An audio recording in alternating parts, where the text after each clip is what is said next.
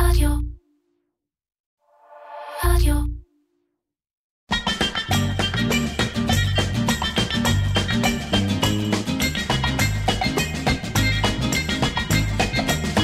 איר קצ'ר, קריאיטיב פודקאסט, עם מרן פחמן.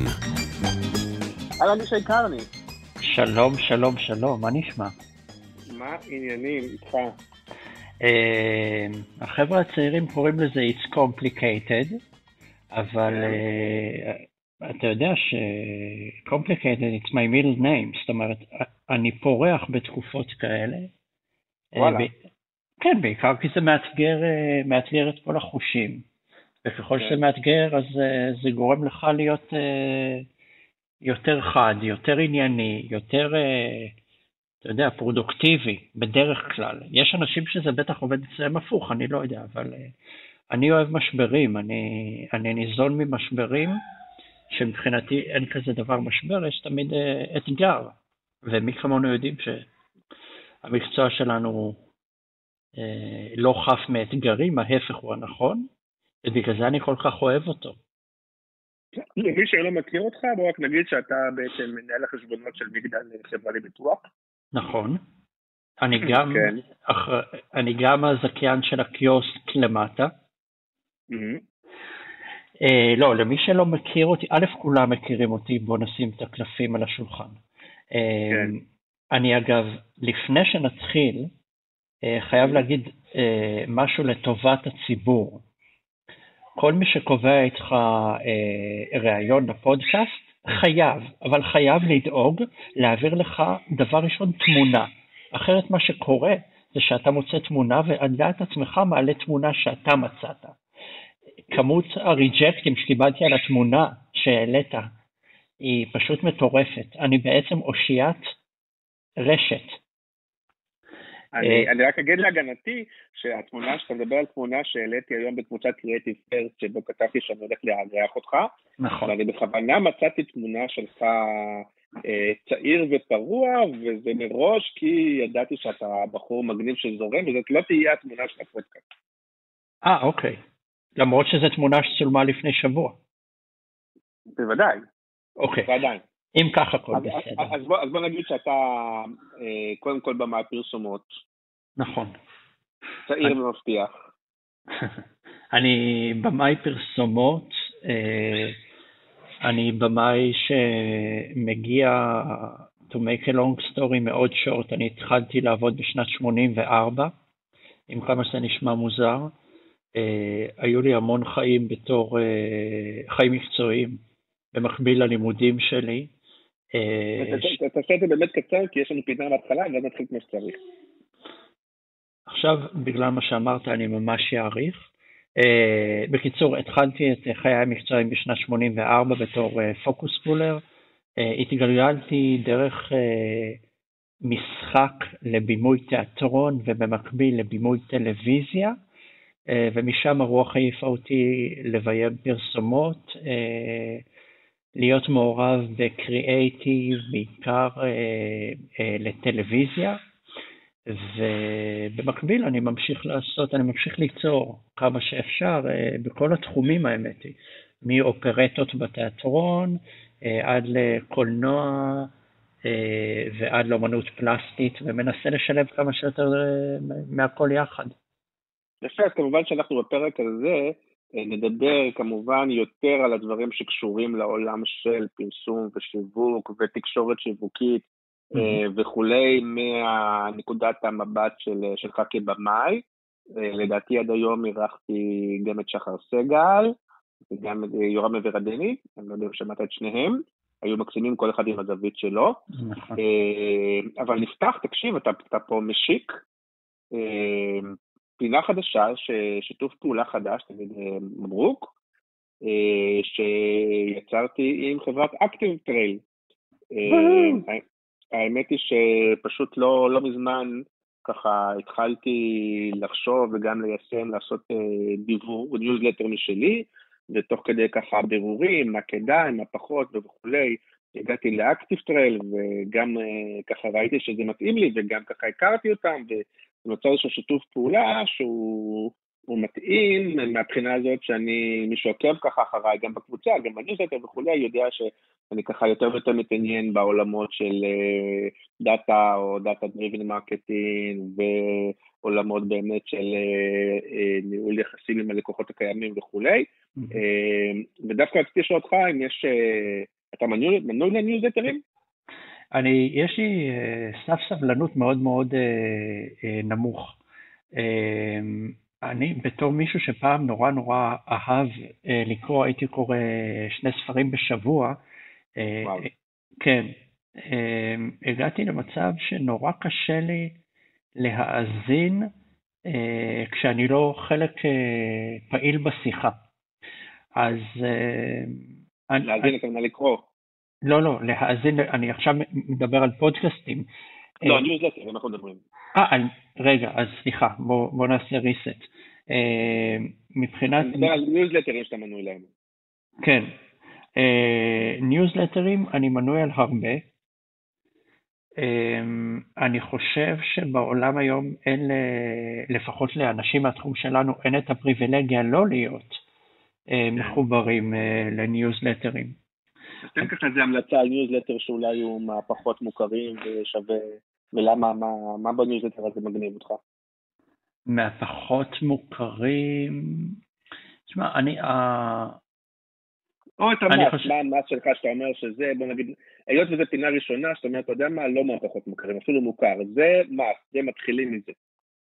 תשמע, אדוויקס אה, פתוח אצלי 24/7, אני קם בבוקר אוקיי. ובודק, מה? כן, כן. אני קם בבוקר ובודק מה חדש. אה, ולפני שאני אה, הולך לישון אני בודק מה חדש. אה, שוב, מהמקום הזה של איפשהו להיות כן הראשון שמגלה, שיודע, אני control freak די גדול, mm-hmm. ואני דוגל במונח knowledge is power, מבחינתי באמת, ככל שאתה יודע יותר, אה, יש לך כוח. מידע הוא כוח היום, אה, על אחת כמה וכמה במקצוע שלנו. אה, אחד הדברים אגב שאני הכי מאמין בהם זה שמידע שאתה אוגר אצלך ולא מעביר אותו הלאה, הוא עוול. זאת אומרת, מבחינתי כל מידע שמגיע אליי, שייך לכל מי שאני יכול להעביר אותו אליו. כן, שזו תפיסה, אני גם חושב ככה, אבל זו באמת תפיסה שהיא קצת, אה, היא לא תמיד הייתה ככה, זאת אומרת, היו תקופות שבו בהן היה דווקא נחשב שאם מגיע לך מידע, אתה אוגר אותו אצלך, ואז אתה המומחה, וצריכים לבוא אליך, כי אתה יודע את הדברים. כן. אה, ואולי גם האינטרנט שינה את זה, והיום באמת ההבנה היא ש... כן. אה, אם יש לך ידע תשתף אותו, זה לא מוריד ממך כלום. ו... תשמע, אני אתן לך דוגמה נורא טובה. אתה מכיר, שמעת על מסדר הבונים החופשיים? כן. אוקיי, אתה, אתה יודע שמסדר הבונים החופשיים, או שאתה לא יודע, נמצא בבעיה מאוד מאוד חמורה בגלל אה, חוסר עניין, עניין הציבור. לא מגיעים אנשים, לא מתעניינים. למה? כי ב-15 אה, שנה האחרונים, האחרונות, נהיינו עולם ללא סודות. אפרופו להחזיק מידע אצלך, אף אחד לא יכול להחזיק היום שום מידע, בין אם זה ממשלות גדולות ובין אם זה גופים פרטיים. הכל נמצא. הדרך, אה, אתה רק צריך לדעת את הדרך להשיג. ולזה אני אומר שמה שהיה אה, נכון דאז אה, לא רלוונטי היום.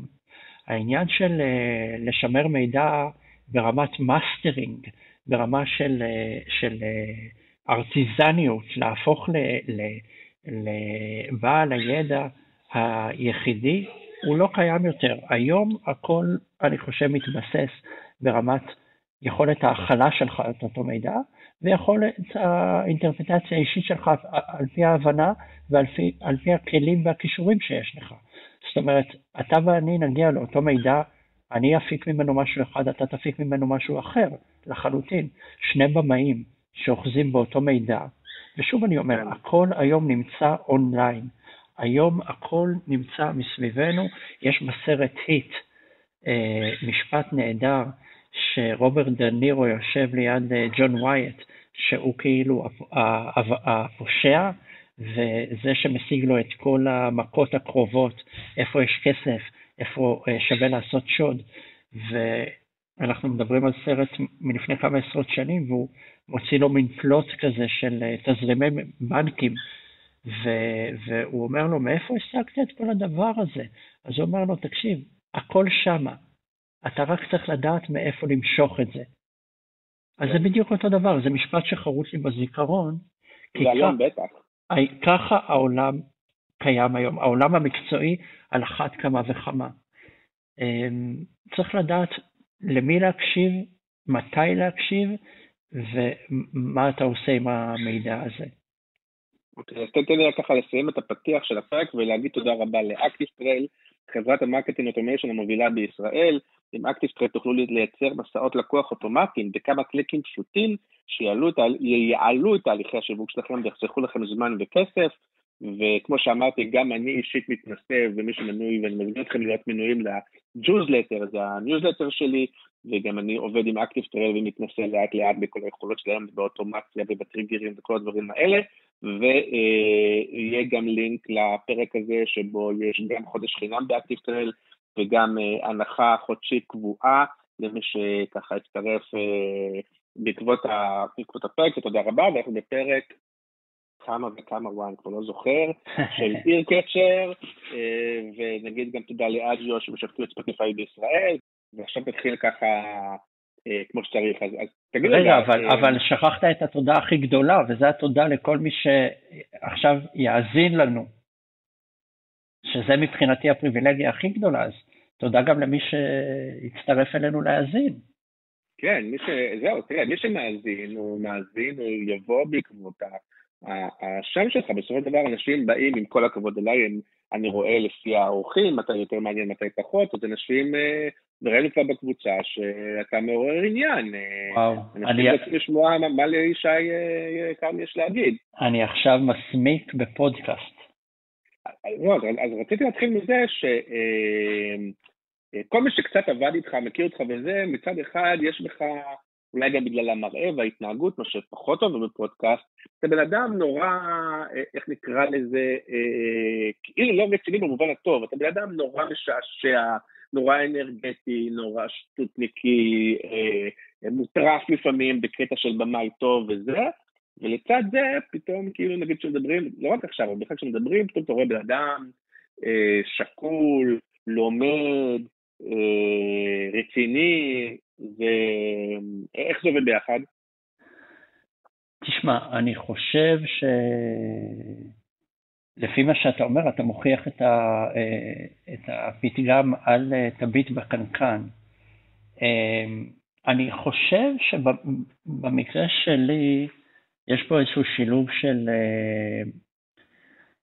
אני, אני חושב, ניסיון לממש או לשמר איזושהי תמימות אה, מאוד מאוד מאוד גדולה, שבעצם תומכת ועוזרת לי אה, להתמודד עם השד הזה, ש, שהוא השד שיודע הכל, והוא רציני, והוא, אתה יודע, הוא, הוא, אני, אני מגיע ליום צילום, לדוגמה, ותמיד אנשים נורא נורא מופתעים, על אחת כמה וכמה אלה, אלה שלא רגילים לעבוד איתי או עובדים איתי בפעם הראשונה, והם רואים את השוטינג ליסט שאני מגיע איתו, ואומרים, מי, מי, מה זה? מי הכין את זה? אני אומר, מה זאת אומרת? אני הכנתי את זה, זה סטנדרט, כלי, כלי סטנדרטי לצאת איתו ליום צילום. והם אומרים, כן, אבל יש פה הכל, של כל מחלקה, עד לבורג. אז, אז אני חושב ש... כנראה מה שאתה מתאר הוא הדרך שלי להתמודד עם עצמי. מצד אחד, אם הייתי רק האוטודידקט, ה control freak המאוד מאוד מאוד מחמיר, ואני מאוד מאוד מחמיר כשזה מגיע אה, להפקה ולעבודה בפועל ולדרישות, או, או, או הניסיון לקבל לפחות את מה שאני מצפה לקבל, וזה היה מסתיים שם, הייתי איש מאוד אה, לא נעים אה, לשהות במחיצתו. וכנראה ש... גם כן, כנראה גם לא הייתי מצליח לקבל את התוצרים. תשמע, אין דבר יותר נפלא מלסיים יום צילום, ומצד אחד השחקנים באים ואומרים לך, תקשיב, וואו, אתה כל כך עזרת לי לעבור את היום הזה. עשית את היום הזה כיפי. אני באתי מפוחד ואני יוצא מאושר וגם למדתי הרבה. אם, אם אני יוצא מיום צילום ככה, אני אה, יכול לשבת ולבכות כמו ילד קטן באוטו מאושר. מצד שני... את השחקנים, איך, איך משרד הפרסום בא לך בסוף, איך הלקוח בא לך בסוף. תשמע, עד היום רוב החוויות שלי היו חוויות טובות. אה, אני מודה שלא קל לאכול אותי בפעם הראשונה. אה, אני גם עם השנים, אתה יודע, אני, אני משתנה, אני לומד, אני, אני לומד את עצמי ואני לומד את, ה, את הסביבה שלי. אני חושב שהיום הגעתי למצב ש... אני מספיק טוב קורא גם משרד פרסום, שוב, את, את רוב האנשים, את רוב אה, אנשי הקריאייטיב שאני עובד איתם ו, וכולנו עובדים איתם, יצא לי הזכות והכבוד עם כולם כמעט לעבוד, אה, ועם כולם אני מוצא שפה משותפת. אה, גם ברמת הלקוח, תשמע, אני חושב שתפקיד של במאי בעולם הזה שאנחנו מתנהלים בו, הוא מאוד מורכב כשאתה בעצם מוצא את עצמך אה, כסוג של צינור או סוג של אחראי לשני, אה, לשני צדדים. כי אין מה לעשות, בסופו של דבר, כשאתה מגיע אה, לנהל אה, קמפיין, ואני אומר, במאי מנהל קמפיין, אה, הוא מנהל את הקמפיין כי אה, אחרי שהוא מתנהל, או במקביל להתנהלות שלו, בתוך משרד הפרסום מול הלקוח בכל הרמות, אה, כשהדברים יורדים לשטח לבמאי, במאי מנהל את הקמפיין, והסיבה שאני אומר מנהל, כי הוא צריך להתנהל גם מול משרד פרסום שהוא מחויב אליו, וגם אל מול לקוח שכצד שלישי הוא גם מחויב אליו. עכשיו, יש מקרים שהגבול מאוד, אה, הגבול עובר במקום מאוד אפור ומאוד דק בין אה, אה, משהו שיכול להשתמע כלויאליות לאחד הצדדים, שזה אגב שטות גמורה, אבל אני מבין למה זה נראה ככה. לא, כי לפעמים יש קונפליקט בין נגיד הקריאייטיב שרוצה ללכת למקום יותר קיצוני, יותר פרוע, יותר קריטיבי וכולי, לבין המשרד או הלקוח שרוצה משהו קצת פחות, ואז השאלה היא האם הבמאי זורם יותר עם הקריאייטיב או זורם יותר עם הלקוח. אני חושב שבמאי צריך לזרום א' עם האני מאמין שלו, וזה מה שמייחד אותו כבמאי, וזו גם הסיבה שבחרו כנראה בבמאי הספציפי הזה לקמפיין הזה. אם לא, אז יש פה בעיה, יש פה איזשהו חוסר, חוסר, איזשהו חוסר התאמה. בראש, סליחה, בראש ובראשונה אני חושב שאתה אתה כבמאי או אני כבמאי צריך לקחת את הדברים, לראות אותם בצורה הכי מפוקחת, לנקות את השולחן, ופה בדיוק נכנס האוטודידקט שלא רואה לא ימין ולא שמאל, ולא משחק משחקים, אלא אומר, זה המוצר, זו המטרה, זה קהל היעד, זה הקמפיין, מה יהיה עכשיו הכי נכון, ואם משרד הפרסום טועה, אז אחריותך להסביר את זה, ואם הלקוח טועה, אחריותך להסביר את זה לא. זאת אומרת, בגלל זה אני אומר שהמקום שבמאי נמצא בו כמנהל של קמפיין הוא מאוד מאוד מאוד מורכב, ובהרבה מקרים אתה הולך שם אה, מאוד בזהירות לכאן או לכאן, ובעצם אתה הדבק שמשיק ומקשר בין משרד הפרסום ובין הלקוח לנקודה הסופית. כי משרד פרסום בא עם איזשהו רעיון קריאטיבי ללקוח, הלקוח אוהב את הרעיון הקריאטיבי, ועכשיו מגיע במאי שיכול, סליחה על הביטוי, לחרבן את הכל. ו- ו- ואסור שזה יקרה.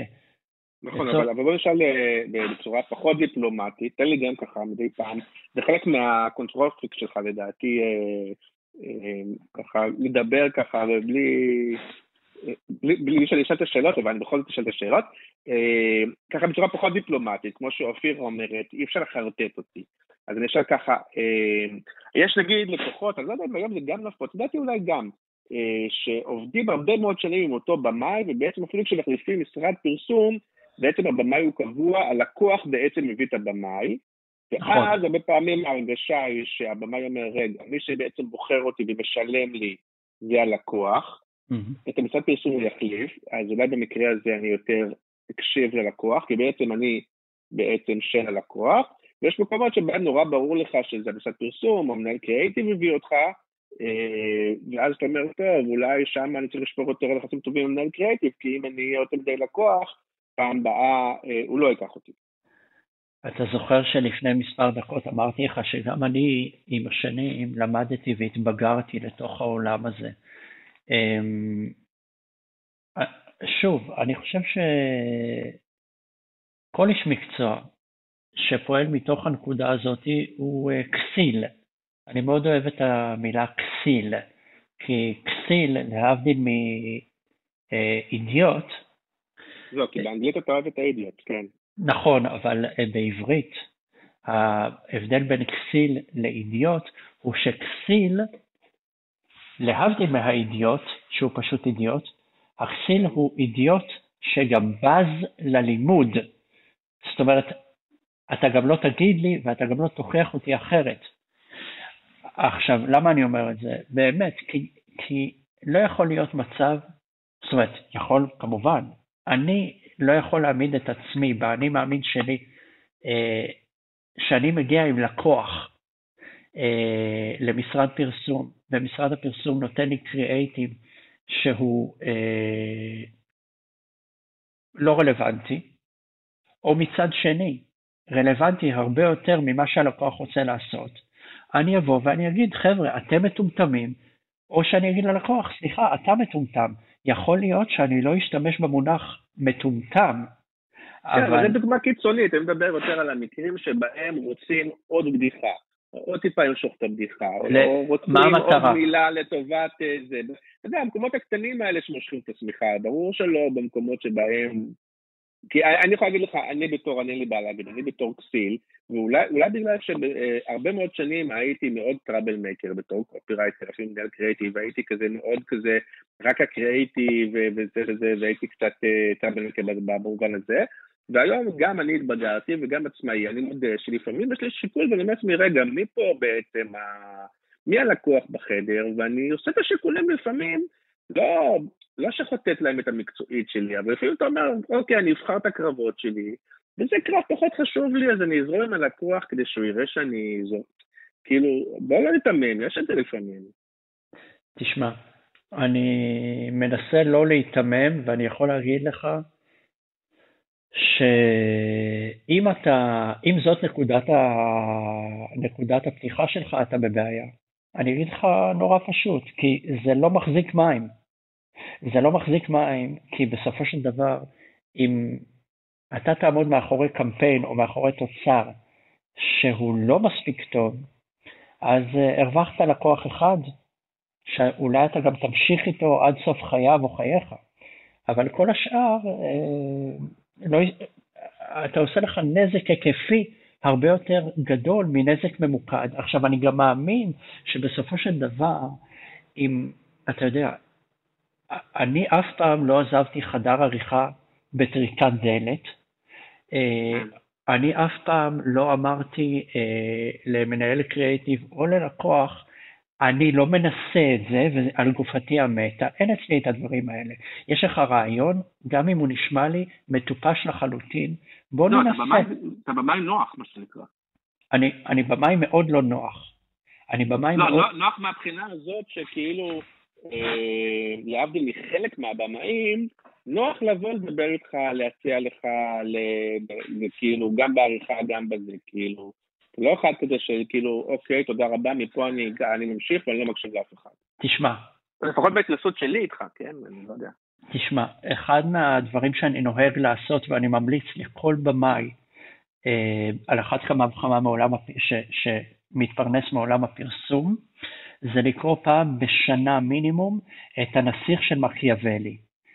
כי איך אומרים, אנשים טוענים שלביים אני, אני יודע, עכשיו נשארה העבודה הקשה, וזה כל מה שקשור לניהול לקוח ולניהול כן. משרד פרסום. למה אני אומר את זה? כי, תראה, אני ממרום שנותיי וגילי המופלג, יודע שכשמנהל קריאיטיב בא ואומר, תגיד, בוא נוסיף פה עוד חמישה פרמים, ואתה אומר לעצמך בתור במאי, תקשיב, אני עבדתי עכשיו ארבעה ימים על אופליין, בכל דרך אפשרית, מפה ומשם ומזה ומזה, וגם עשיתי את האופציה שאתה מבקש. מה אתה עכשיו קיבינימט בא לי עם ההפלצה הזאתי? מצד שני, אני יודע שאם אני לא אנסה, אני פוגע בשני מקומות. אני פוגע אישית באותו בן אדם שהציע את זה, ואני פוגע ביכולת שלי לקבל עוד זווית ראייה של מישהו חיצוני, שיכול להיות, יגיד, בואנה, תראה מה קרה פה. בגלל זה אני אומר, לנסות תמיד חייבים, ולהקשיב תמיד חייבים. אחד הדברים שאני, אתה יודע שאני עובד גם עם אנשי קריאייטיב וגם עם שחקנים אה, שאומרים, אני, אני יכול לשאול שאלה על סט.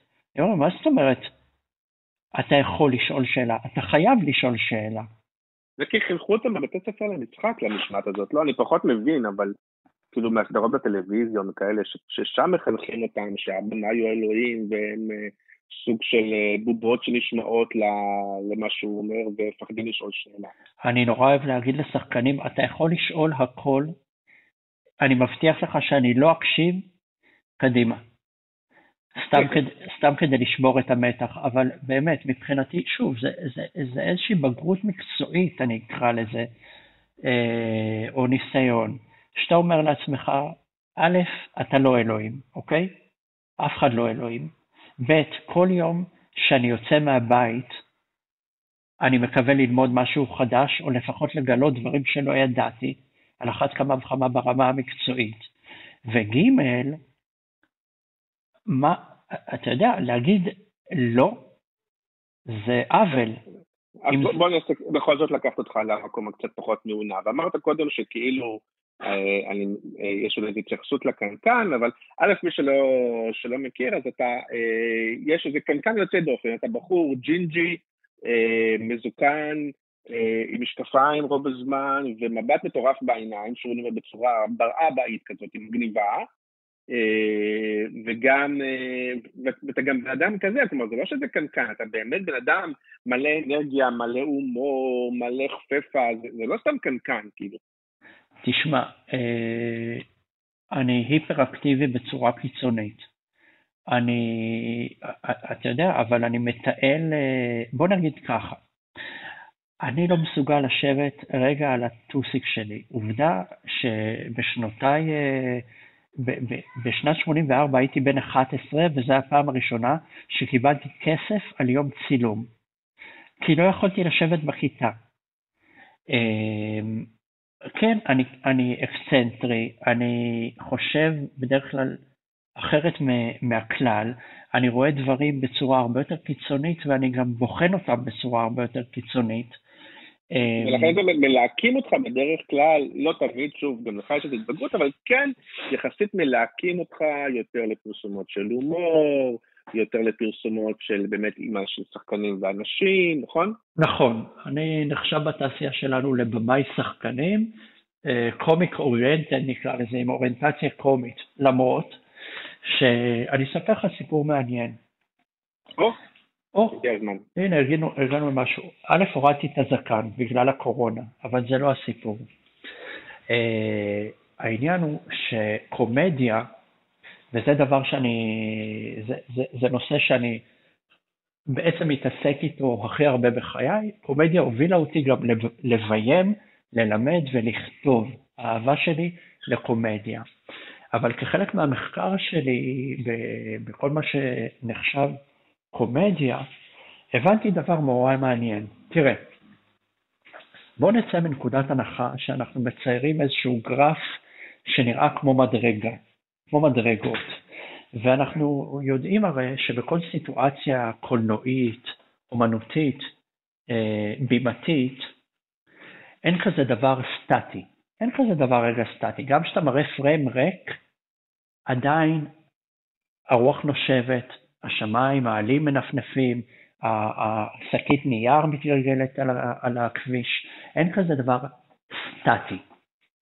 זאת אומרת שהבסיס לכל העשייה שלנו הוא דרמה. דרמה זה מבחינתי הבסיס להכל. עכשיו דרמה היא בעצם אה, נקודת האפס, היא המישור, אוקיי? היא, היא הרצפה שלנו. עכשיו אם אנחנו מכניסים לתוך הדרמה אה, רגש, מה זאת אומרת? אה, נגיד שחקן אה, שמביע, נמצא באיזושהי סיטואציה. אנחנו מתחילים להתעסק עם רגשות. ככל שאנחנו מעלים את רמת הרגש, רגש יכול לבוא לידי ביטוי בכתיבה, במשחק, בסיטואציה, בכל דבר בסיטואציה. אנחנו נוריד את הכלב בפוסט, אל תדאג. מה? אנחנו נוריד את הכלב בפוסט, אל תדאג. אה, אני פשוט מחפש את הרובה, תכף אני אוריד את הכלב לא בפוסט. אה, אה, אז אנחנו בעצם מתחילים להכיל רגש לתוך אותה סיטואציה. הצופה אגב גם מתרגש יותר ויותר, ואנחנו בעצם מגיעים למצב שאנחנו מציפים את הסיטואציה הזאת ברגש, ואם אנחנו מציפים אותה עוד טיפה, אז אה, אנחנו מגיעים למקום שנקרא טרגדיה.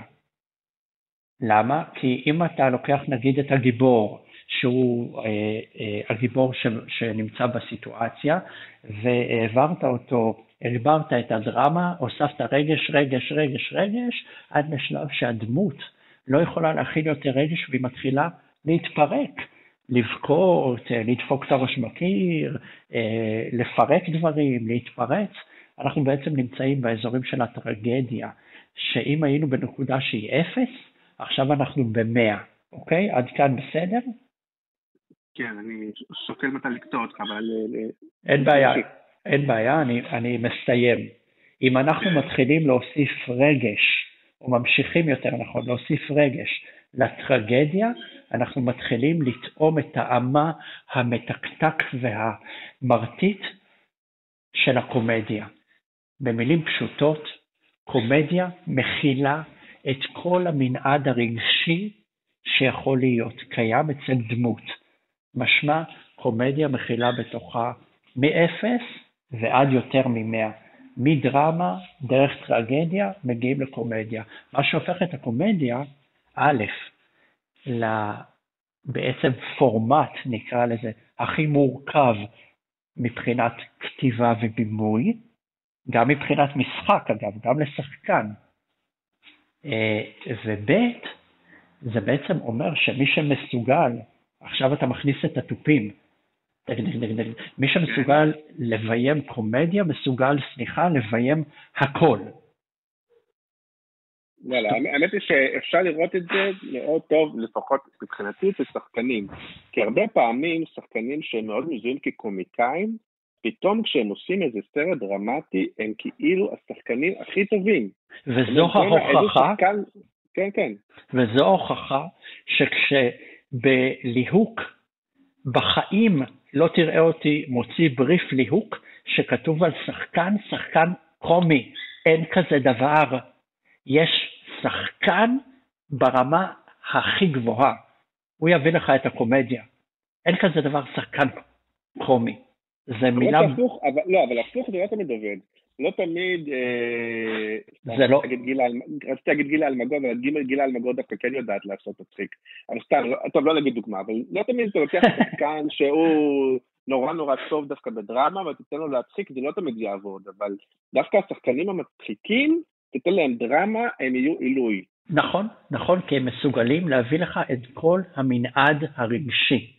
את הכל, וזה היופי שבקומדיה. עכשיו, אני מזכיר לך למה בכלל... בוא נחבר לעולם שלנו, אני אוקיי. את הדרמה, כי אני קצת השוטר הרע, אתה מכיר את השיחות שלי, לפעמים אני קצת עושה שיהיה דרמה. בדיוק, אה, אה, בדיוק בגלל זה אני יושב פה עם הזיקים.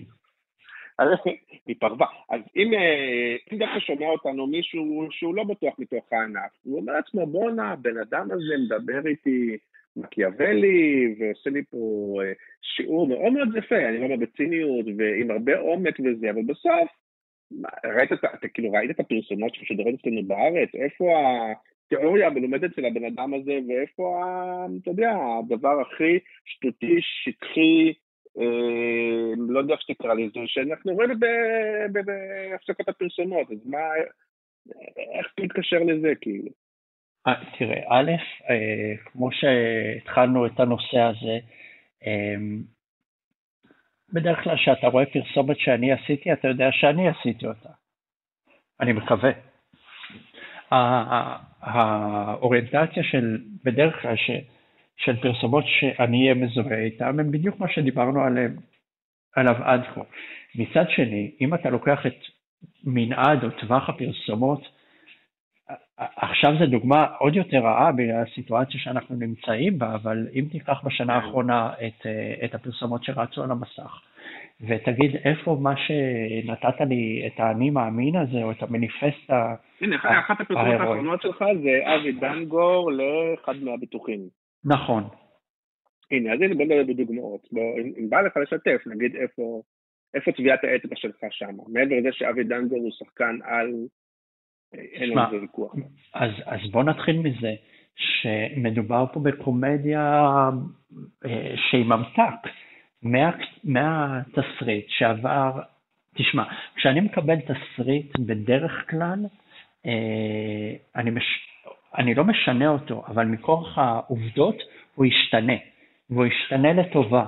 למה? כי, כי, כי אין מה לעשות, ברגע שאתה מביא את האופי ואת האינפוטים של במאי, אה, בשביל זה אתה מביא אותו, בשביל לקחת את המילים הכתובות ולעשות להם את הקסם הזה, שיהפוך אותם למשהו ש, שירגש מהמסך. אבל עכשיו, עכשיו רק שנינו שומעים, אתה, רוב התסריטים שאתה מקבל, הם, אתה חושב שהם ברמה מספיק גבוהה, או שאתה אומר, טוב, יש לא, פה הרבה מש... עבודה? חד משמעית לא, אבל בשביל זה אנחנו נמצאים פה. זה בדיוק העניין. אני, תקשיב, אתה לא יכול לבוא ולהגיד, אה, האם אתה מקבל את כל ה... זאת אומרת, הרגע אמרת את זה, אבל אה, אה, אין פה בכלל שאלה. זאת אומרת, אה, אתה יודע, השוק מורכב ממאות יוצרים, אה, מאות דעות, מאות אה, סגנונות. אה, אחד הדברים ש... שאני, אחת הסיבות לזה שאני מלמד, לדוגמה, אה, הרבה שנים בבית ספר, זה שבשיעור הראשון אני בא ואני אומר להם, תקשיבו, הסיבה היחידה שאני פה, זה כדי שעוד כמה שנים יהיו לי אה, אנשי קריאייטיב לעבוד איתם, אוקיי? זה מה שאני אומר. מה הבעיה הגדולה באנשי הקריאייטיב? אין בעיה, אני רק רוצה... לא, בדיוק מה ש... מה... לא מקום שלילי, מה הטיפ הגדול או מה ההכוונה הגדולה שאתה נותן כדי שיהפכו אותם לאנשים שיהיה לך יותר טוב לעבוד איתם? תשמע, אה, לכתוב תסריט זה לא לכתוב רעיון. יש הבדל מאוד מאוד גדול אה, בין אה, איך קופירייטר כותב תסריט לבין איך תסריט נראה בסופו של דבר, או לפחות נראה לפני שמצלמים אותו, לפחות לדעתי. יש איזשהו כן. תהליך שתסריט צריך לעבור עד שאתה יכול אה, להתייחס אליו כתסריט. אני חושב שלאט ולאט יותר ויותר אה, אנשים חדשים נגיד, אדם החדש שמגיע למשרדי הפרסום, אה, הם אנשים מבריקים שאין להם את הכלים הנכונים. כי בהרבה מקרים אתה, אני מוצא את עצמי יושב עם אה, איזשהו קופי אה, או קריאייטיב צעירים יחסית, שמביאים רעיון פצצה, אבל אני אומר להם, אוקיי, אבל איפה, איפה, איפה, איפה זה נמצא ואיפה זה נמצא, ואז אומרים, אה וואלה, בעצם על זה הסרט. אז כן, בעצם על זה הסרט. זה היה שם כל הזמן, אבל... יש שם לתפור.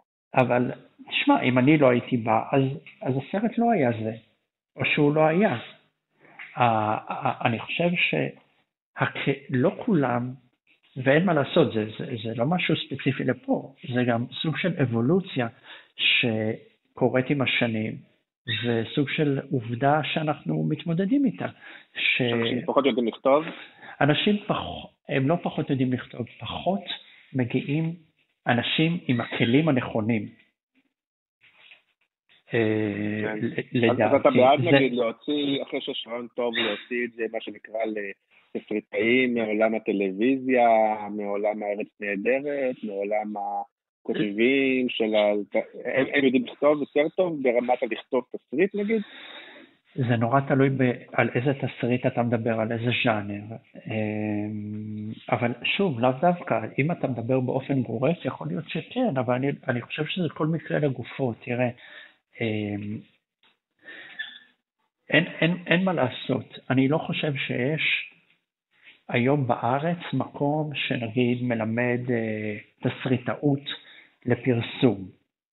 מלמדים הרבה מאוד אה, דברים, אבל לא מלמדים תסריטאות לפרסום.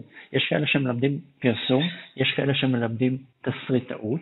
אף אחד לא מלמד את, ה, את המקום האפור הזה, או המקום המוזר והמיוחד הזה. האמת היא שהרבה שנים לא, לא באמת, אני מודה שלא הייתי מאוד מוסבר בתוך בתי ספר פרסום. אני חושב שהם עדיין מתיימרים ללמד את זה, אני לא יודע איך מלמדים, כן, לא, טוב, רע. הם כן מתיימרים ללמד את הסרטות לפרסום. אני, שוב, אם כן, אז השטח, אני חושב, לא באמת מוכיח את זה ברמה האמיתית.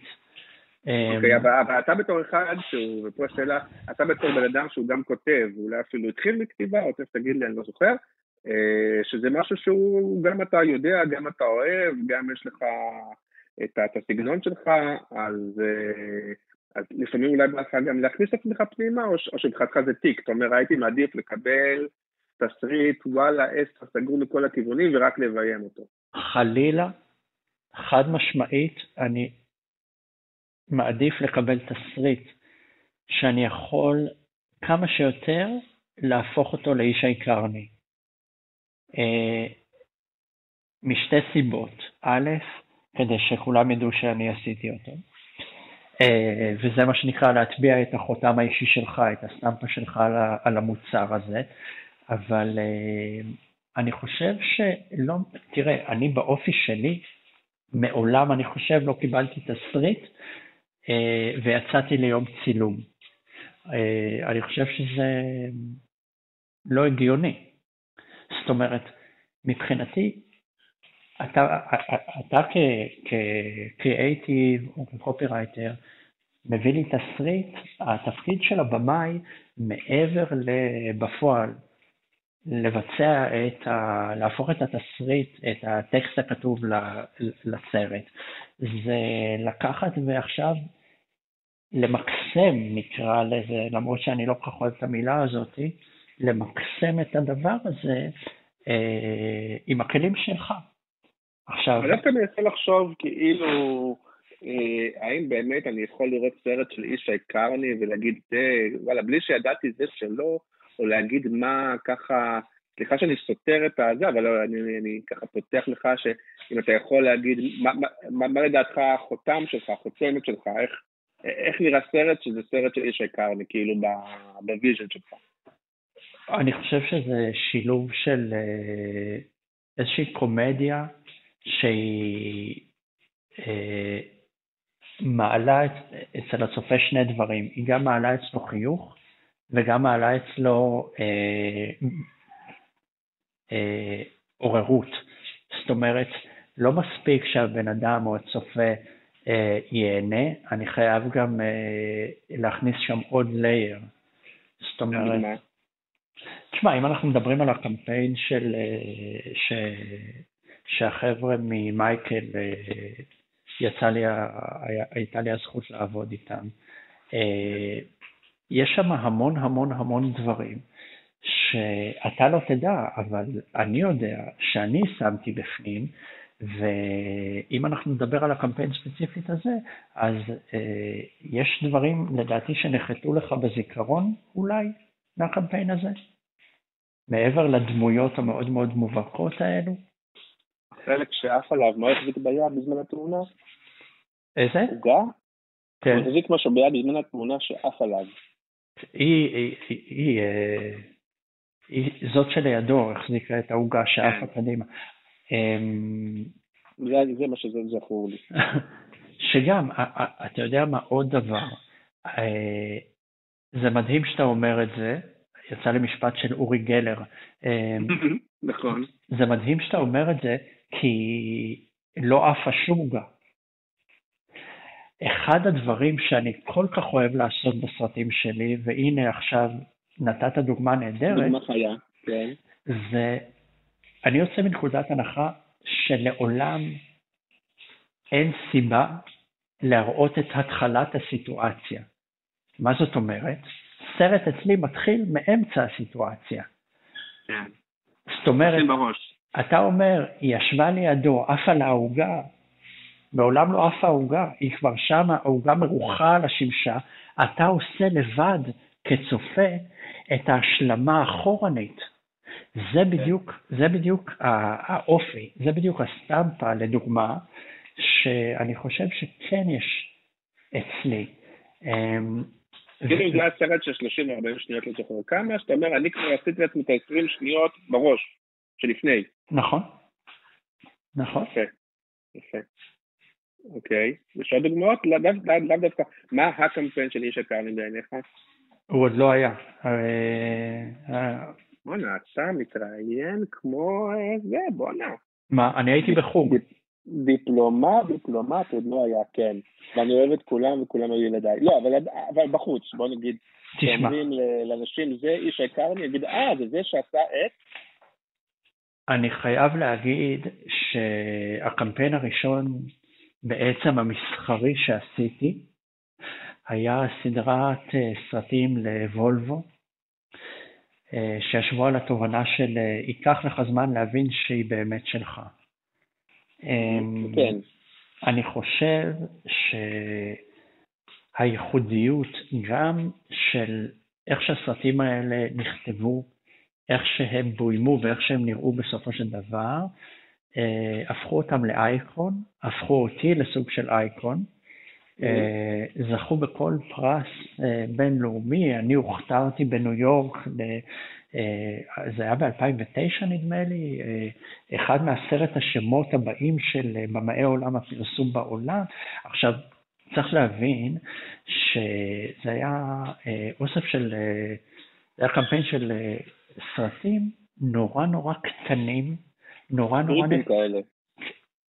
אה, פה אתה מסתבך איתי, אה, נורא נורא קטנים, נורא לא, נורא, כאלה. נורא נורא פשוטים, וזה מה שייחד אותם. אה, אני חושב שיש להם את הפינה הכי חמה אצלי בלב, לאו דווקא בגלל שהם היו סוג של מה שהוליד אותי לעולם הזה, אלא בגלל שהם באו... רגע, רגע, אז, אז תזכיר לנו רגע, אני זוכר משהו בסרטים שהם כמעט one shot, נדמה נכון. לי, אה, אבל אני אפילו, אני לא זוכר בדיוק את העלילה, אני זוכר את התובנה, כי התובנה, בוא נגיד, לדעתי מקן הריקסון, לדעתי באמת קודם כל היה שם רעיון פצצה, ואני לא יודע מי הקריאיטיב שעשה את זה, לא זוכר, אבל... אה, נכון? אבל... אה, כן. אז תזכיר סתם, תזכיר את סרט אחד ככה, רק... זה, זה היה... זה היה קמפיין שניהל אותו מקן, אה, עם אה, סיגל אבודי וטל פרלמוטר. אה. ב- בעצם סרטים שמבוססים על shot. אה, אחד מהסרטים, אני חושב, ששודרו הכי הרבה זה בחור שנכנס בסוף יום עבודה, יוצא אל תוך חניון ריק שחונה בו רכב אחד. והוא מחפש את האוטו שלו ולא מוצא אותו, ומרים יד ולוחץ על השלט, והאוטו האחד מצפצף. הוא מסתכל על האוטו, מסתכל על השלט, מסתכל עוד פעם על האוטו, ומסתבר שזה וולבו, ואז עולה הקריינות. ייקח לך זמן להבין שהיא באמת שלך. הכי פשוט, הכי נקי, הכי... כלום. אה, קראת לזה בריטי, אני פשוט קורא לזה טהור, נקי, לא מסובך. אה, אני חושב גם שיש המון אה, השפעה, אגב, לטיימינג שה, שהקמפיין הזה יצא בו. היו פרסומות מאוד בומבסטיות, גדולות כאלה, מסובכות, מאוד מושקעות, אקסטרווגנזיות, ופתאום מגיע איזשהו קמפיין של באמת המינימום של המינימום, אבל מדויק. והוא עבד. גם קטע, כי וולבו והונדה, הן שייכות לאותו יבואן, נדמה לי, למאיר, או לפחות באותה תקופה, ובהיום. נכון, כן. והונדה, זה גם אותו משחק פרסום, הונדה מצד אחד היה פרסומות מחופפות, מצחיקות, חלקם, מי שזוכרים, הזונה, נכון. בקטע של על הגבול, ווולבו זה כאילו הכי סטרייטי, מכובד, נקי, אתה יודע, מצד אחד היה צריך להוציא את זה מהעולם של הרכבים המשעממים של השרים, אבל מצד שני לתת לו איזשהו, איזשהו touch fine כזה שהוא, שהוא מושך, כאילו, שהוא לא רכב מרובע של, נכון. של שר הבריאות. אגב, אני אתן לך עוד דוגמה שהיא הפוכה לגמרי לוולבו, שהיא, אה, אם אתה זוכר את הקמפיין לוולייט, ש, שמתבסס על התובנה של לא חדש, שגם היה קמפיין שבסופו של דבר היה אחד מקמפיין, מהקמפייני ההשקה היותר מוצלחים שהיו פה בשנים האחרונות, עם, אה, עם בחורה כזו שמגיעה ליום עבודה במשרד, וכולם מחמיאים לה על השמלה החדשה שלה, שהיא כן, כן בכלל כן. לא חדשה. ובעצם זה קמפיין שיש בו בגדול שורה אחת ששחקנית חוזרת עליה, שהיא אומרת לא חדשה. מה? סרט שלך? כן, כן, אני מדבר רק על סרטים שאני ביימתי. זה ראובני נדמה לי? אה, זה ענבר מרחב, זה... ענבר מרחב, אוקיי, סליחה. נכון. כן. כן, אחלה סרט, נכון. בן סבר, אה, אחלה סרט. שוב, כן. הניקיון והדקות, אלף אלפי הבדלות מוולבו, יש שם 30 שוטים, להבדיל מאחד. אה, זה סרט לסוג של הפקת כביסה, שהיא כל כך טובה, שכולם חושבים שהיא קנתה שמלה חדשה, נכון? זה הרעיון. בדיוק, בדיוק. כן. אבל בתחושה של הצופה, אגב, מדובר בוואן שוט. היא נכנסת למשרד, היא כל הזמן באיזושהי תנועה קדימה במהלך היום, קאטים נורא נורא מהירים שכל מה שקורה בהם זה כל פעם בסיטואציה אחרת במשרד, היא אומרת, זה לא חדש, זה לא חדש, זה לא חדש, זה לא חדש, זה לא חדש, זה לא חדש, זה לא חדש, כן, עד הערב. כן. עד הערב. עכשיו, יש גם האיכות של הסרט, אגב, באורך הם זהים, ו, ומשהו באיכות של, ה, של הסרט, לא באיכות, ה, באיכות הטכניקה, גורמת לך כצופה לעבור איזשהו מסע שהוא מסע אחד מאוד מאוד מאוד סגור וברור, כמו one shot, תכלס. ו... וברגע שאתה מצליח לעשות את זה לדעתי, בכלל, אני חסיד של, אני תמיד אומר, אם, אם זה עובד אז למה לחתוך? שהרבה מנהלי קריאיטיב אגב מפחדים מהמשפט הזה, ולא בצדק. זאת אומרת, מבחינתי זה שיש הרבה קאטים והרבה שוטים בסרט לא הופך אותו למרשים יותר, יקר יותר, מפואר יותר, ההפך הוא הנכון, כאילו. אם אין סיבה. לא, תשמע, יש סרטים... אה, 1917 אה, הוכיח את זה יפה מאוד. שוב, הוא לא one shot, אבל מבחינת לא, הקונספט... ניסו לעשות כאילו one shot. וזה נראה טוב, וזה עובד כ-one shot. אני אומר, יש משהו ב-one shot, הוא לא... אה, הוא פורמט. כמו שקומט... אני לא רוצה, סליחה, אני פה אנהל את זה כדי לא להיכנס יותר מדי לדיון הקולנועי, רציתי רגע לשאול אותך, אבל קורה שאתה מקבל תסריט, או רעיון או תסריט, שאתה אומר, אין לי מה לעשות איתו, הוא כאילו, כן. הוא לא מספיק טוב, גם אפילו, אני לא, אני... כן. סליחה, תפנו למישהו אחר. אה, כן. כן, זה לא קורה הרבה לשמחתי, כמעט ולא קורה יותר נכון לשמחתי, אבל... צריך להתפרנס, אתה אומר. אה, סתם, סתם, סתם עקצתי עכשיו. תשמע, לא, לעקוץ, אתה יכול לעקוץ מישהו שיש סיבה לעקוץ אותו, פה במקרה שלי זה לא עובד. אה, אני כן. באמת אומר לך שאם מגיע אליי תסריט לא טוב, אני אומר חברים, תחזרו לעבוד. וזה קרה לא פעם ולא פעמיים, ואנשים בהתחלה אה, יכולים לחשוב שאני יהיר, שאני אה, חוצפן, שאני ב ego trip, אין לי בעיה מה, עם זה. אבל לא קרה לך, שמעת, תקשיב, אני פחות מתאים, או אתה אמרת לעצמך בלב שזה לא טוב, לא, אחר אבל כך ראית שזה נעשה, ועם במאי אחר והכל, ואמרת, אתה יודע מה, וואלה, טעיתי. אחלה סרט. להישמע עכשיו יהיר? לא. קרה לי, אוקיי. קרה לי לא פעם שקיבלתי תסריט ואמרתי, חברים, זה לא יעבוד. ואמרו לי, אוקיי, אז אה, בוא נראה מה נעשה. ואחרי כך וכך זמן ראיתי את הסרט הזה בטלוויזיה, והוא לא עבד. והוא היה בזבוז כסף, נקודה. אוקיי. ותגיד, אז אה, איך, איך בעצם, אה, אתה, אתה אומר שהתחלת, או הפעם הראשונה באמת הייתה עם הוולבו של מקן, איך הגעת מ... תכף תספר מישהו שהיה גם אה, שחקן וגם קצת על סטים, אה, זה, איך הגעת בעצם לקבל את עבודת הבימוי הראשונה? אה, אני במקביל לעבודה... היית גם שחקן של פרסומות, נכון? נכון. אני במקביל לחיי כעוזר צלם, נקלעתי להתחיל לשחק באיזושהי הצגת תיאטרון שזכתה בפסטיבל עכו, ומפה לשם הדברים התגלגלו נורא נורא מהר. התחלתי לשחק הרבה, וכפועל יוצא של זה גם התחלתי לכתוב, בעיקר להתעסק עם קומדיה, והתחלתי לביים כל מיני דברים, אה, בעיקר תיאטרון. אה, תיאטרון דווקא. מה? תיאטרון דווקא, אוקיי. כן, כן, קודם תיאטרון, אחרי זה טלוויזיה, ואז אה, באיזשהו יום אה, טובי הוכשטיין, צלם. וצלם שעבדתי. איתו, עבדתי איתו שנים, ואנחנו חברים שנים שנים עוד מלפני תקופת הצבא שלי. אה, ושחר סגל באותו סט אמרו לי, תקשיב, אתה מבזבז את הזמן שלך פה. לך ותתחיל לביים אה, פרסומות. ובעצם מי שנתן לי, למדת קולנוע? למדת משהו? למדתי, לא, א', עבדתי בקולנוע המון שנים, אה, למדתי משחק אצל מורים ספציפיים, אה, למדתי בקורס הראשון והשני של האוניברסיטה הפתוחה בתל אביב לקולנוע. אה, למדת שחייה בהתכתבות, זה נשמע. אה, דווקא עשיתי כמה סרטים שם.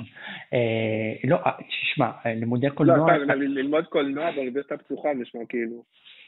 אני לא יכולתי ללמוד אחרת כי אני עבדתי במקביל, שתבין את האבסורד.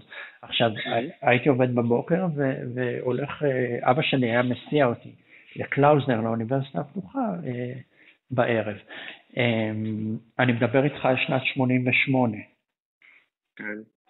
זה המחזור הראשון של, של, של הקורס לקולנוע באוניברסיטה הפתוחה. אבל uh, מבחינה כרונולוגית זה היה עוזר צלם, uh, משחק, כתיבה, טלוויזיה, ומשם זה התגלגל uh, לעולם הפרסום ולבימוי פרסומות.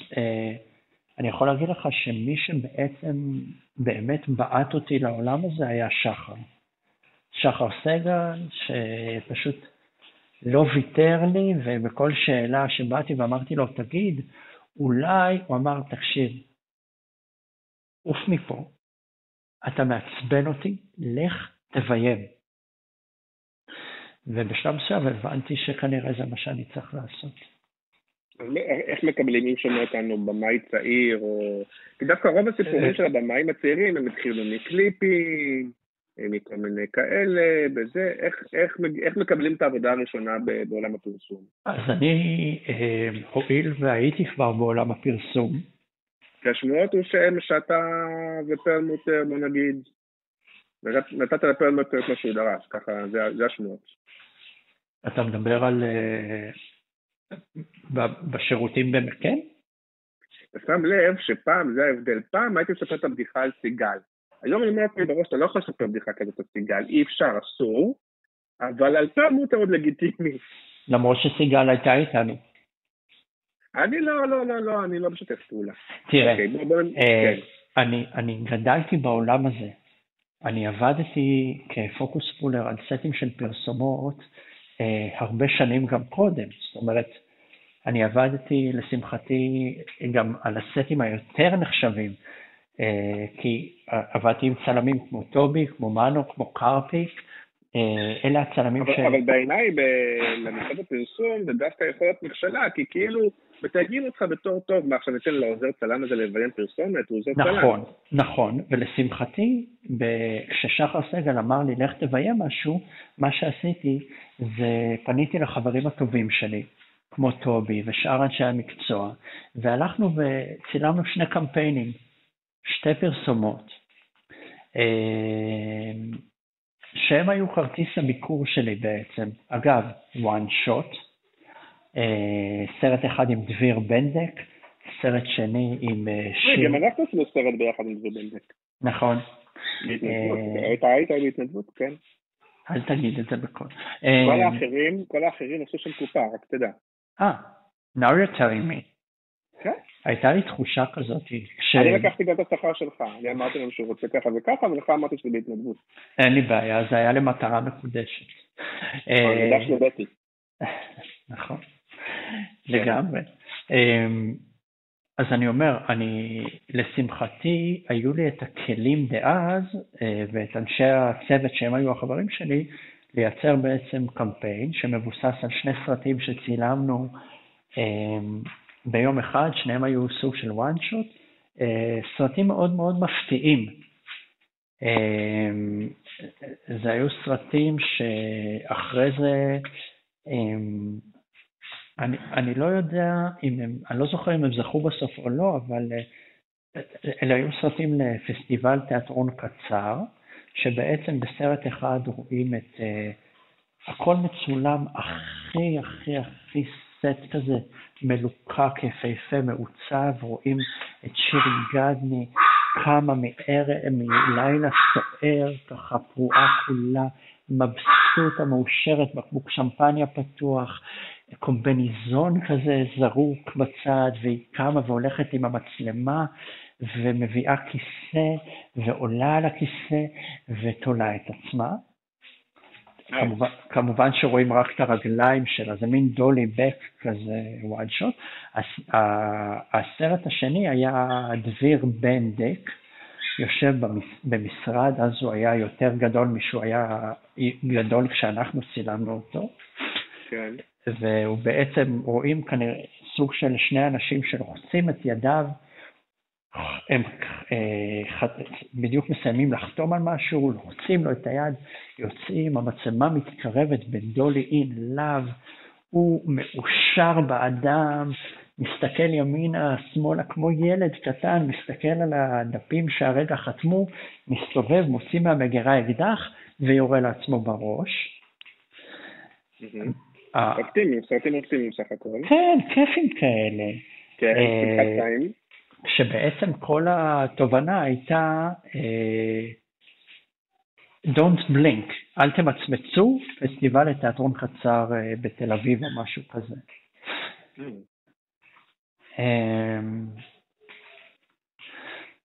ועם, ועם, ועם הסרטים האלה בעצם ניגשתי לחברים שלי במקן, ולכל, האמת היא שמקד פשוט אמרו, יש לנו עכשיו איזה קמפיין שאולי אתה יכול להשתלב בו.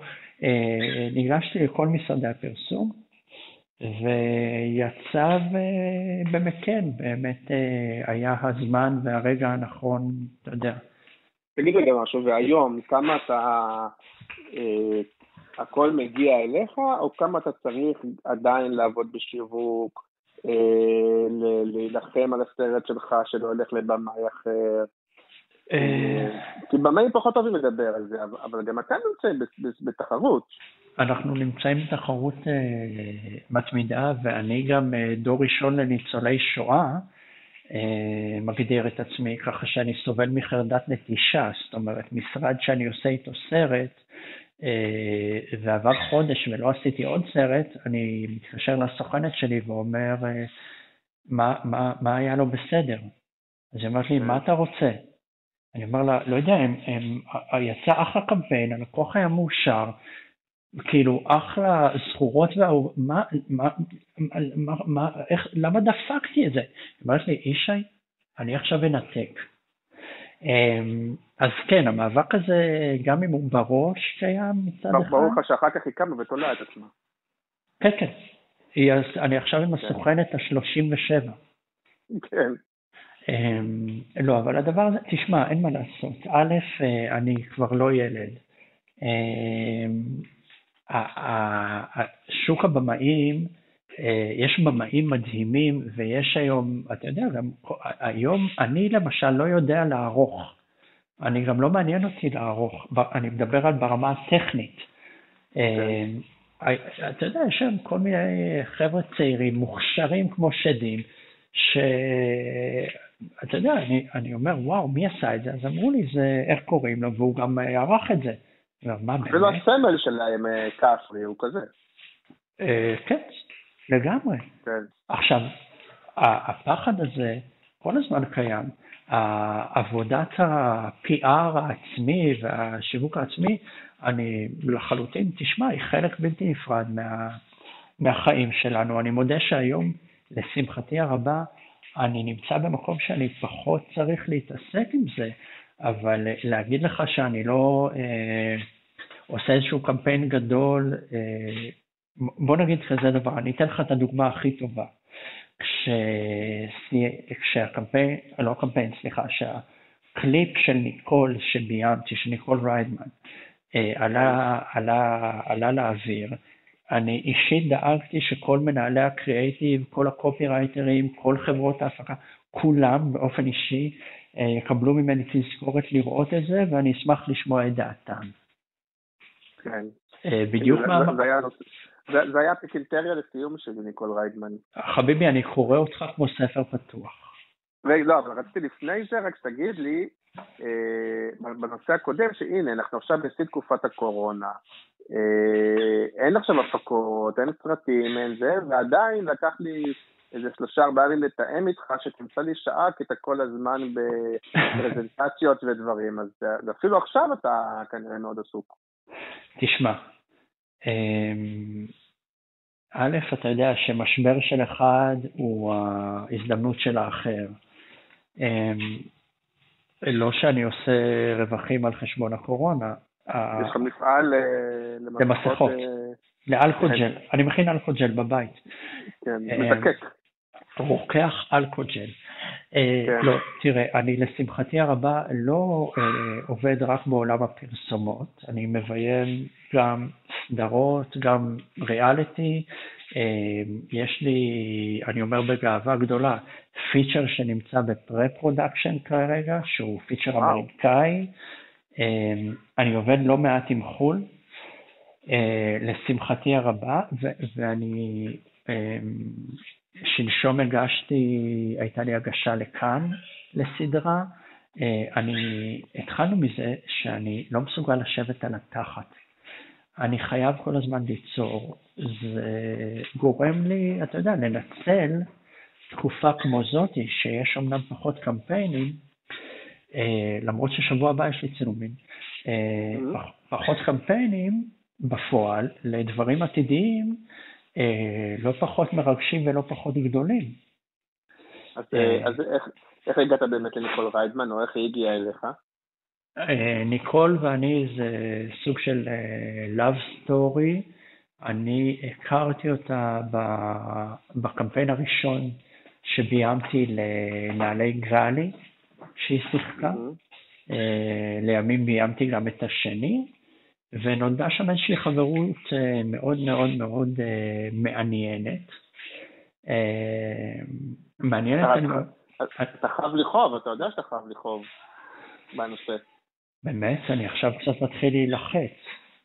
כי אני ביקשתי את עזרתך בלהזמין את ניקול ריידמן הפרסומאית, בעלת משרד אה, הפרסום, אה, נכון. להתארח אצלי בפודקאסט, ואמרתי, טוב, ישי הוא ה-deliver guy. נכון.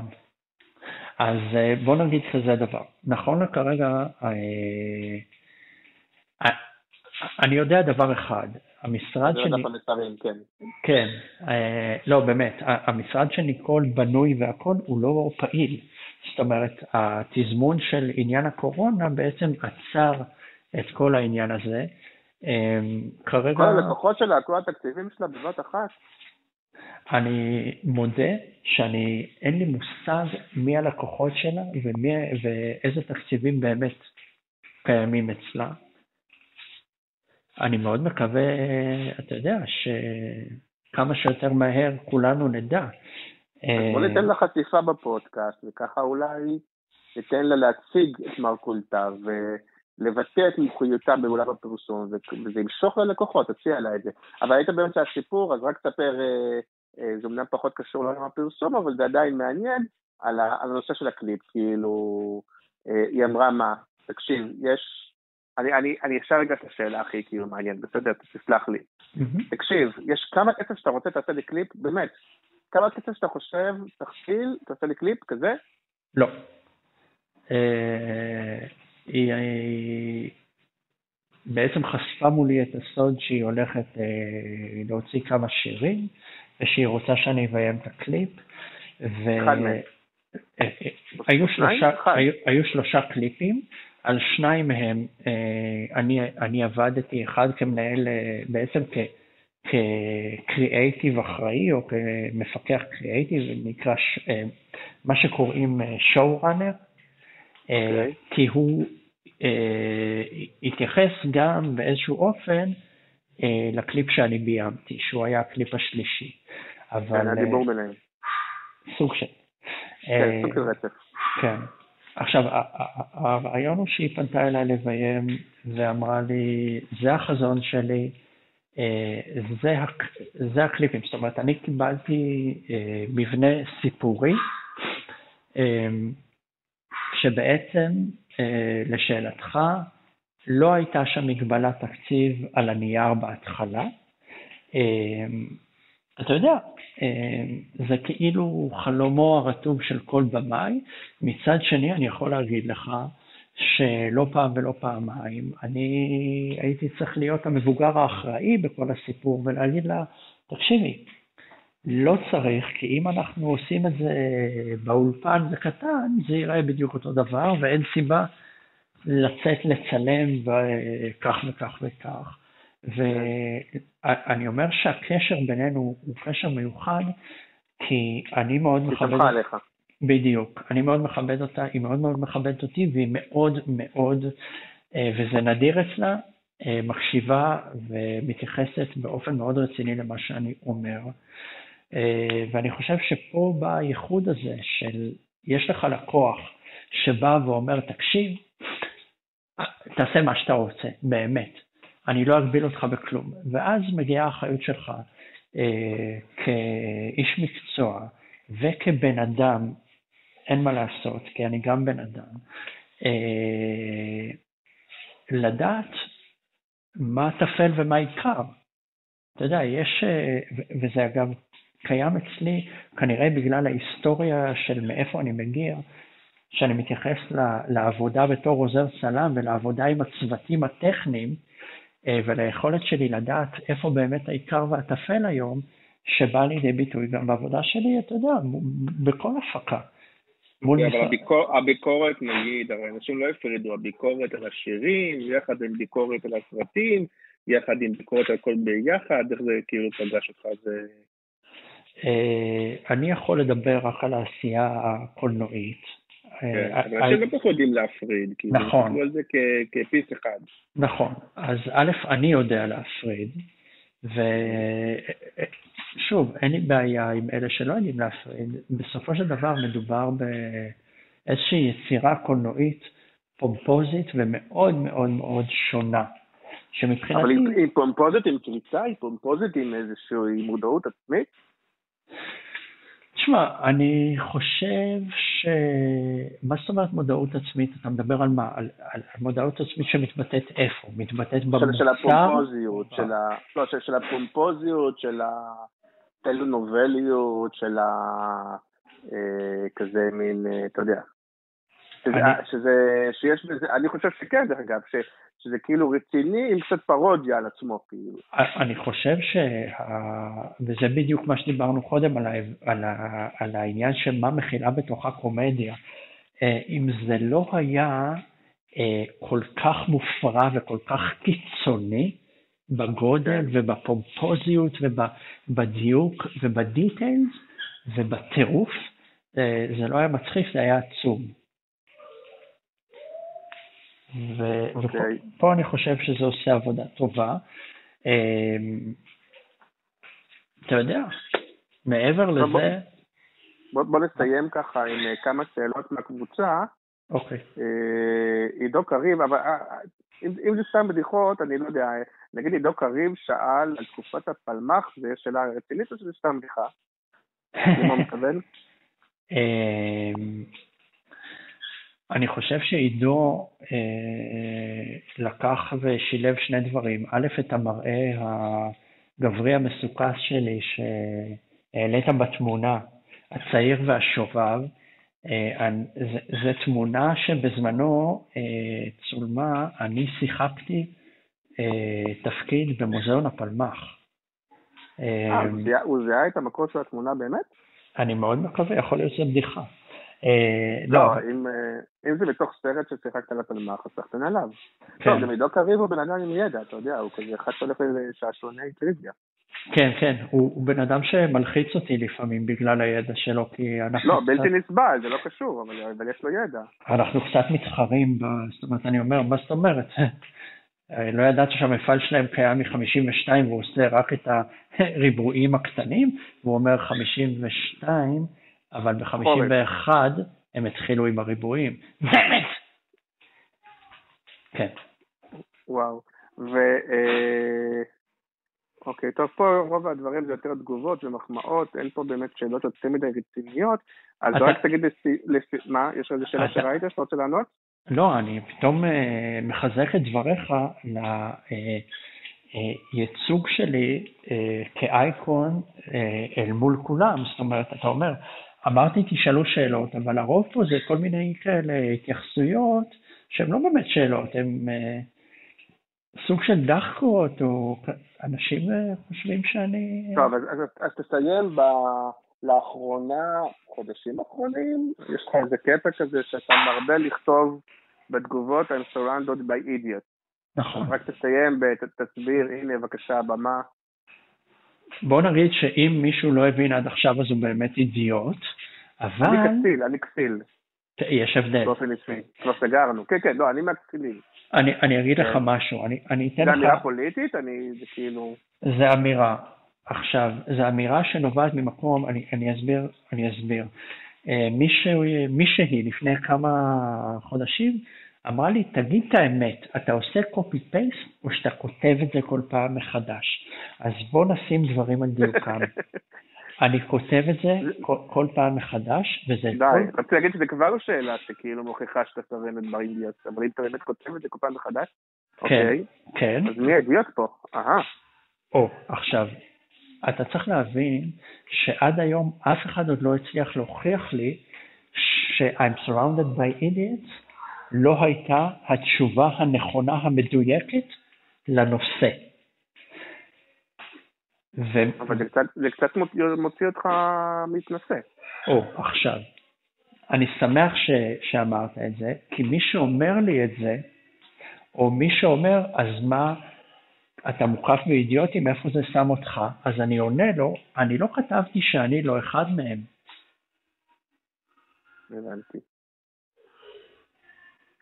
אה, יפה, עם ה- עם האמרה החזקה הזאת, המהדהדת אז כמעט, ועברנו נראה לי כבר את השעה, אז אה, נגיד תודה רבה, נגיד שאתה חבר קבוע בקבוצת קריאטיב פרס, ואתה אפילו באמת מרבה, כמו שאמרת קודם, לשתף, כי אתה באמת נמצא באתרים ורואה קמפיינים ודברים, אתה אנשים שמרבים לשתף אה, בידע ובמקורות ההשראה שלך,